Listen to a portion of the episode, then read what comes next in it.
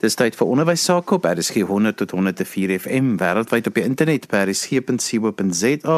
Onthou jy kan ook na ons luister op die DSTV se audiokanaal 813. Die program is ons in die onderwys saam met my Johan van Lille. Vandag gesels ons weer 'n bietjie met professor Ignatius Gous. Hy's 'n ou bekende hier op ons in die onderwys, professor by Unisa.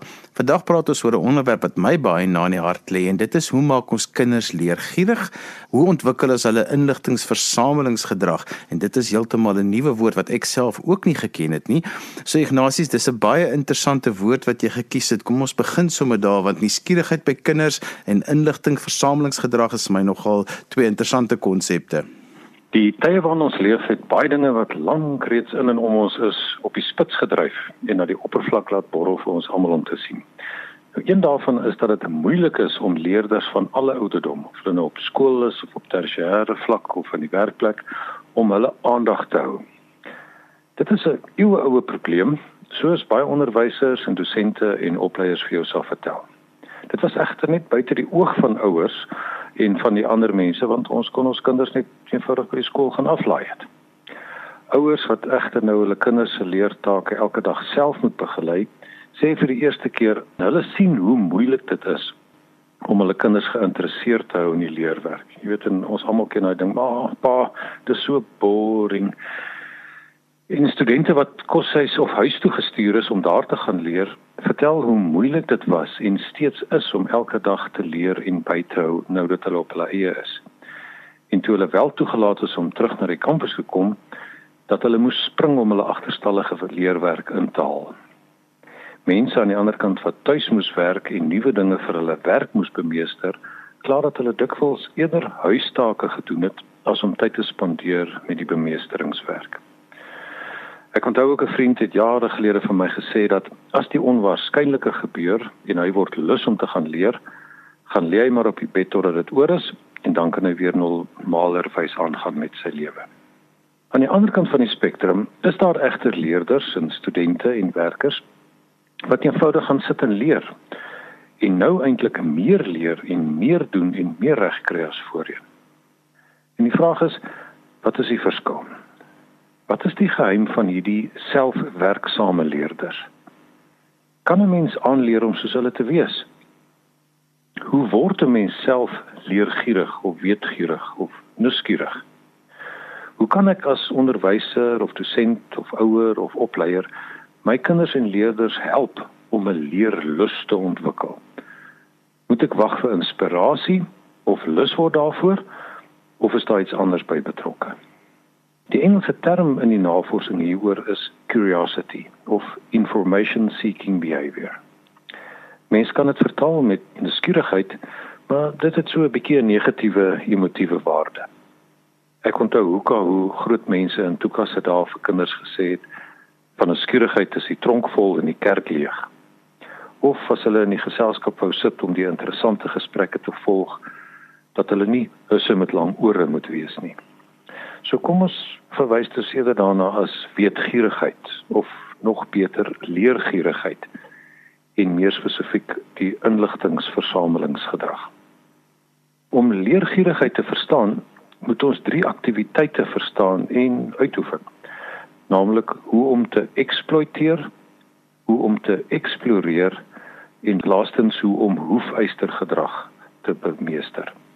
En dan moet ons ook verstaan wat in die brein aangaan wanneer ons leergierig is. Ignatius, maar baie mense se leeraktiwiteite bestaan eintlik uit eksploiterende gedrag. Dit beteken hulle doen net wat nodig is om die leertaak so gou as moontlik af te handel. Ek moet hierdie hoofstuk leer, ek gaan op hierdie manier getoets word en daarom moet ek weet hoe hulle dit gaan vra. So ek leer vir die eksamen en daarom bly ek met dit wat voorgeskryf is en net dit wat vir my afgebaken is. En baie mense kyk dan na vorige vraestelle wat wys hoe dit gevra is en hulle leer eintlik deur die vrae op hierdie vrae uit te werk. Daar's natuurlik absoluut niks verkeerd om eksploiterend te leer nie. Om die waarheid te sê, goeie onderrig en effektiewe leer sluit al hierdie aksies en strategieë van eksploitering in. As dosent en onderwyser moet ek baie spesifiek wees oor wat die leeruitkomste is, wat die bestek is en hoe dit getoets gaan word.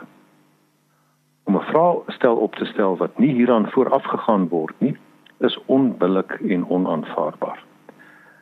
As leerder moet ek sorg dat ek die minimum wat gegee is bestudeer en bemeester.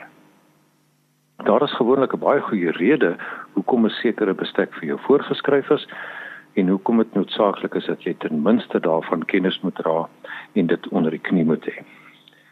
Maar dit is egter nie al nie. Wanneer dit oor leergierigheid gaan en wat daaruit voortspruit, naamlik selfgemotiveerde en selfgerigte leer, is ander mense se leerdoelwitte en wat hulle dink belangrik is, nie genoeg om jou eie hart warm te laat klop nie. Ignatius, maar ontdekking speel tog ook net so 'n belangrike rol om leergierigheid te ontwikkel. Navorsers het dan ook gaan kyk hoe organismes optree wanneer hulle nuwe terreine betree waarna hulle gekyk het is basiese organismes soos waterwurms en die sielkundige gunsteling naamlik rotte, maar dan ook natuurlik na mense. En daar het hulle gesien daar is ten minste twee soorte gedrag te bespeur by almal. Die eerste is die organismes wat onmiddellik begin soek het na kos in die geval van die insekte en rotte of die basiese opdragte uitgevoer het soos in die geval van mense. Wanneer hulle die kos gekry het of wanneer die opdrag voltooi is, het hulle dan ook op beweeg of werk. En dit is presies die eksploiterende gedrag wat ek sopas beskryf het. Daar was egter die paar en jy weet daar's mos altyd daardie soort wat verder gegaan het en eers die hele nuwe omgewing gaan verken het. Dit het baie langer geneem om by die kos uit te kom of om die taak af te handel maar omdat hulle die die hele terrein en nie net die een paadjie na die kos of doelwit er geken en bemeester het nie, kon hulle baie beter dinge hanteer het toe die kos geskuif is of toe dinge baie meer kompleks geraak het. Ons almal ken tog die boek met die naam Who Moved My Cheese? En ons is hoe kan nou in tye waarin dinge drasties verander? Het sy as gevolg van vinnige veranderende tegnologieë of samelewingsomstandighede of plaaslike en internasionale krisisse. Dit is daarom dat die tweede tipe gedrag gaan oor eksplorering of verkenning van die groter area. Waar eksploitering primêr gaan oor die bemeestering van die bestaande, gaan eksplorering oor verstaan van die groter prentjie. Waar eksploitering gaan oor die wat, gaan eksplorering oor die waarom en die waarheen eksploiteerders is verbruikers terwyl eksploreerders skeppers en verskaffers is. Eksploiteerders doen omdat ander mense vir hulle sê hulle moet dit doen. Terwyl eksploreerders so geïnteresseerd is dat hulle dit self wil doen en dat hulle dus meer doen as wat ander vir hulle voorskryf. As opleiers, dosente, onderwysers en ouers moet ons hierdie aspek inbou in ons onderrig. Ons kan nie verwag dat leerders dit self sal begin doen nie. En daarom moet ons ons leertake so opstel dat eksplorerende gedrag ondersteun en veral beloon word.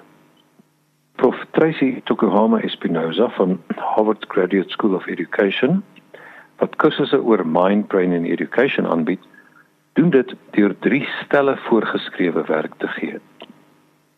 Die eerste is die minimum of the bare minimum wat mens moet weet om ten minste te kan saamgesels oor die onderwerp. Dit bring die totale leer tot 'n basiese vlak van bemeestering. 'n Tweede stel is ekstra bronne wat leerders wat alreeds iets van die onderwerp weet, verder in die veld kan inlei tot dieper verstaan. Dit sorg ook dat goeie leerders nie verveeld raak omdat dit te maklik is vir hulle nie.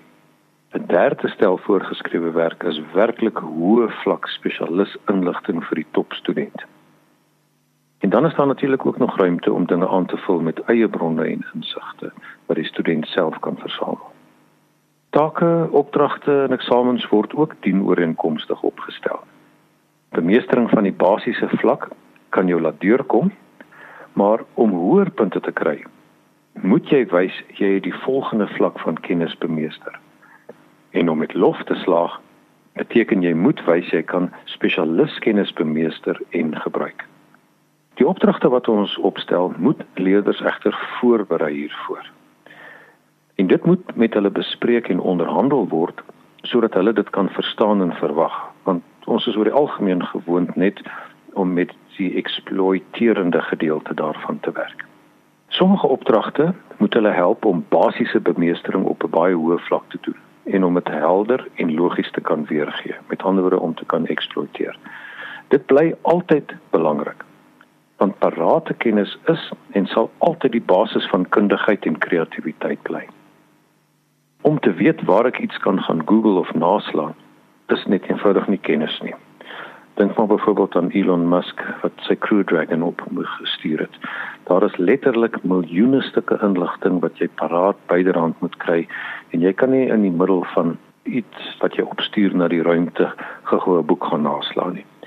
Dieselfde met 'n dokter in 'n operasieteater. As daar iets fout gaan, kan hy nie gou gaan Google nie. En as jy 'n loodgieter kry om 'n pyp wat vibreer by jou te kom regmaak, moet hy weet watter soort kleppe en die tipe van dinge betrokke is. Hy kan nie dan eenvoudig eers gaan kyk.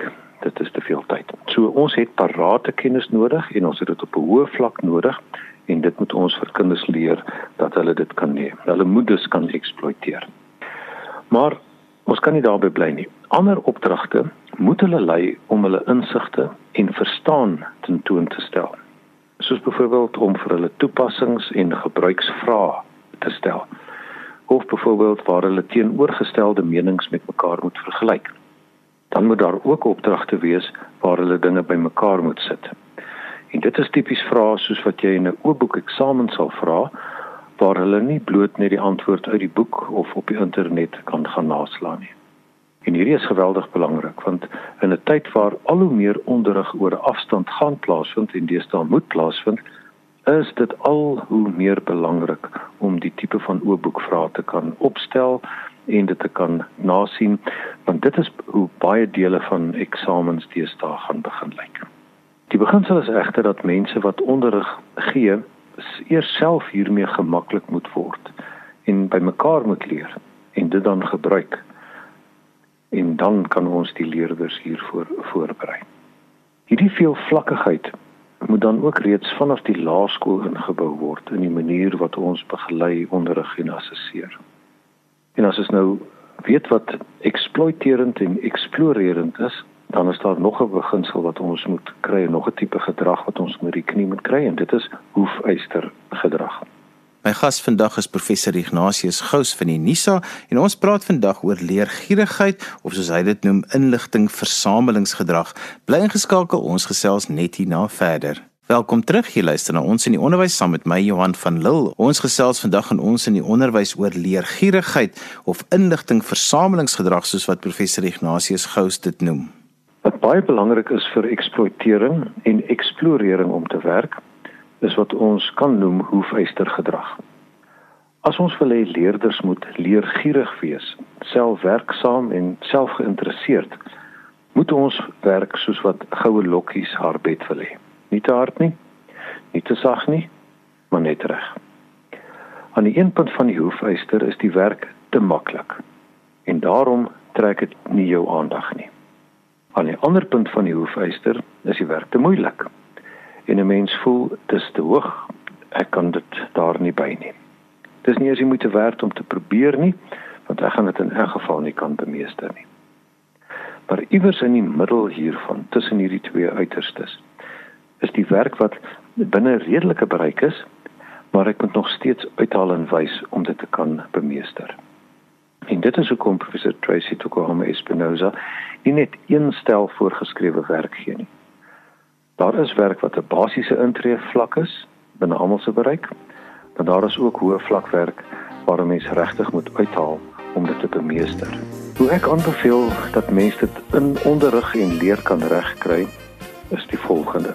En dit is nou of dit jy vir 'n graad 4 klas gee en of dit vir 'n doktorale student is. Die beginsels bly presies dieselfde.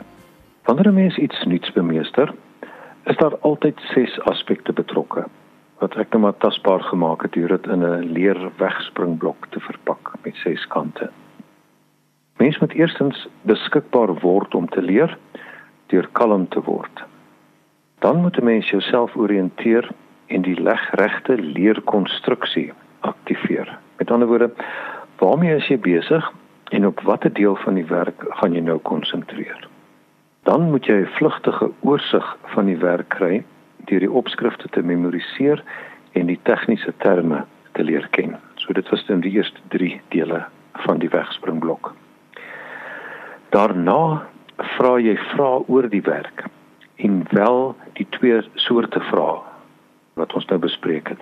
Eksplorerende vrae soos hoekom dit belangrik is om hierdie dinge wat jy nou gaan leer te weet, waaroor dit gaan en veral wat is interessant hiervan. Maar dan ook eksploiterende vrae soos hoe gaan hierdie werk getoets word? Wat is voorheen in eksamens gevra en wat wil hulle hê op watter manier moet gaan hierdie vraag gevra word? Presies soos wat ons nou nou bespreek het.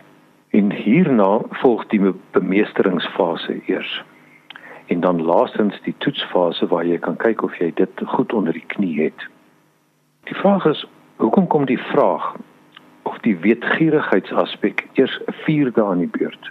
Moet 'n mens nie eerder daarmee begin nie? Gaan dit nie beter wees om dit reg aan die begin te stel nie? Die antwoord is dat aan die begin is die werk nog te onbekend en dus op die ver en moeilike punt van die hoefyster. En dan sal beide tipe vrae of dit nou eksplorerend of eksploiterend is, nog net nie sin maak nie en ook nie die gewenste motiverende uitwerking hê nie. Hier wanneer mense dit op hierdie tydstip vra, nadat jy al reeds iets van die werk bemeester het, ten minste 'n goeie idee het watter terrein jy besig is om te bemeester en al iets daarvan weet omdat jy die opskrifte en die tegniese terme 'n bietjie van 'n oorsig daarvoor het, is dit bekend maar nog nie so bekend dat dit gaan jou begin verveel nie. So om dit op die 4de punt te sit, plaas dit regtig op die wat hulle noem die sweet spot van leer. Maar daar is nog 'n rede hoekom mense dit hier moet plaas. Wanneer 'n mens werk bemeester in hierdie sweet spot van die hoof hoefyster, dan is beide die proses en die werk self iets wat 'n positiewe belewenis ten gevolg het. En as 'n mens dit positief beleef en jy jouself daarin inleef, dan is dit baie makliker om in die proses van flow, soos word deur Csikszentmihalyi beskryf is, in te gaan en werklik die bemeestering daarvan te geniet tot op so 'n vlak dat jy jou eintlik verloor daarin en dat niemand jou hoef te dwing om dit te doen nie. Jy geniet dit so dat jy dit op jou eie self doen. En dan leer 'n mens soos wat ons brein wil hê jy moet leer. Dit is belangrik vir die brein om behoeftes te bevredig. Ons eet want ons liggaam het kos en brandstof nodig. Ons slaap want ons liggaam het rus en herstel nodig. Ons leer want ons het inligting, kennis en vaardighede nodig om 'n spesifieke doel te bereik. Wanneer ons bewus is van hierdie behoefte aan kennis, dan word die area wat fokus en aandag gee aktief. Wanneer ons dan omdat ons aandag gee die inligting wel bemeester, dan word die areas wat beloning gee aktief, sowel as die areas wat inligting bære. En in die proses onthou ons dit wat ons geleer het. As jy dus gemotiveerd wil wees om te leer of ander wil motiveer om te leer, moet jy kans gee vir weetgierigheid om te ontwikkel. Jy moet eksploiteer jy moet eksploreer en jy moet dit doen op die regte plek op die hoefyster. Dan hoef jy nooit weer te sukkel om te wil leer nie. En so gesels professor Ignatius Gous van die NISA. Ons het vandag gesels oor leergierigheid of inligtingversamelingsgedrag soos wat hy dit noem. Ignatius, as mense met jou verder wil gesels, hoe kan hulle met jou kontak maak? Hulle is baie welkom om my te kontak op my selfoon. My selnommer is 083 4591902 en 'n WhatsApp werk gewoonlik baie goed of hulle kan vir my 'n e-pos stuur by een van die volgende e-posadresse. Dit is gous.igp onthou my gous spel mens g o u s en my voorletters igp@unisa.ac.za of uh, as dit makliker is om te onthou is ignatius.gous@ @gmail.com. En daai kan weer na vandag se program luister as 'n potgooi, laai dit af by resgep.co.za. daarmee groet ek dan vir vandag tot volgende week van my Johan van Lille. Totsiens.